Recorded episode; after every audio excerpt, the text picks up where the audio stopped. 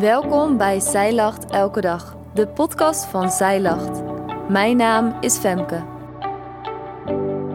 Dit is de overdenking van 29 november, geschreven door schrijfster Paola Don.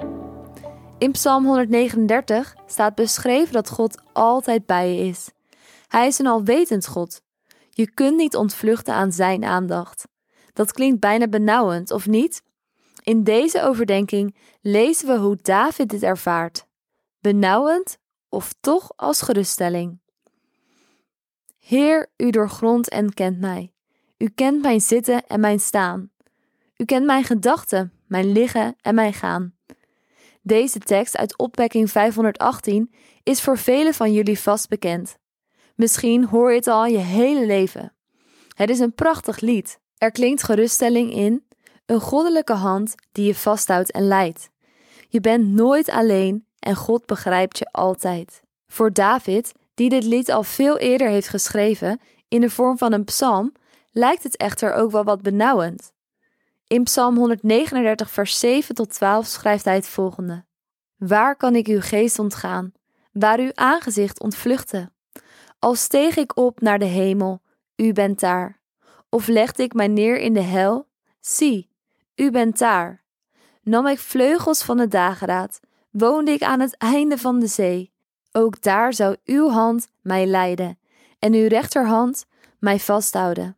Zei ik, ja, duisternis zal mij opslikken. Dan is de nacht een licht om mij heen. Zelfs de duisternis maakt het voor u niet duister. Maar de nacht ligt op als de dag. De duisternis is als het licht. Met name het begin van de psalm klinkt best een beetje wanhopig. Er is ook wel een gelijkenis te zien met hoe Jona probeert te vluchten. Weg van het aangezicht van de Heer.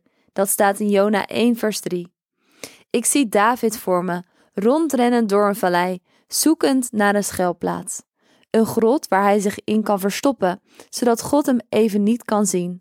Zodat hij even vrij is van de continue aanwezigheid van God in alles wat hij denkt, voelt en doet. Herken je dit bij jezelf? Dat je soms even zou willen dat God niet kijkt? Niet eens zodat je dan iets kunt doen wat slecht is in zijn ogen, maar gewoon om voor even je ding te kunnen doen zonder dat er iemand meekijkt. Gelukkig is mijn beeld van het dichtende David waarschijnlijk niet hoe er daadwerkelijk aan toe ging. Vooral de versen hierna zijn eigenlijk helemaal niet zo benauwend.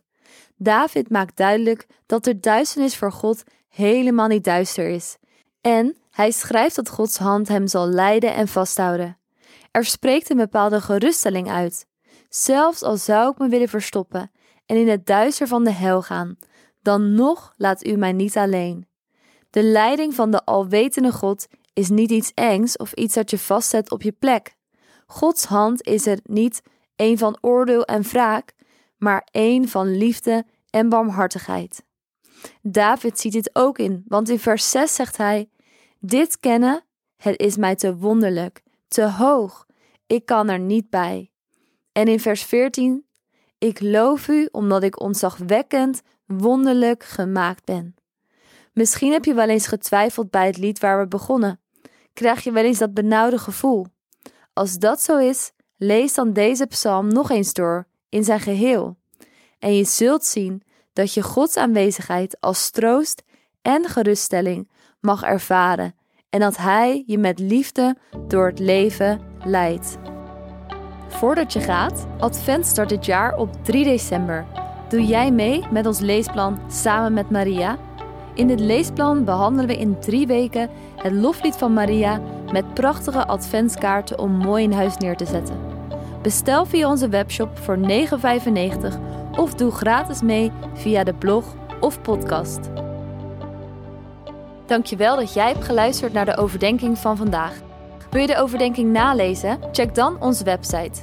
Je vindt er ook meer toffe dingen die jou helpen om de Bijbel vaker te openen, zoals boeken, Bijbels, cursussen en evenementen. Morgen ben ik weer bij je terug met een nieuwe overdenking. Tot dan!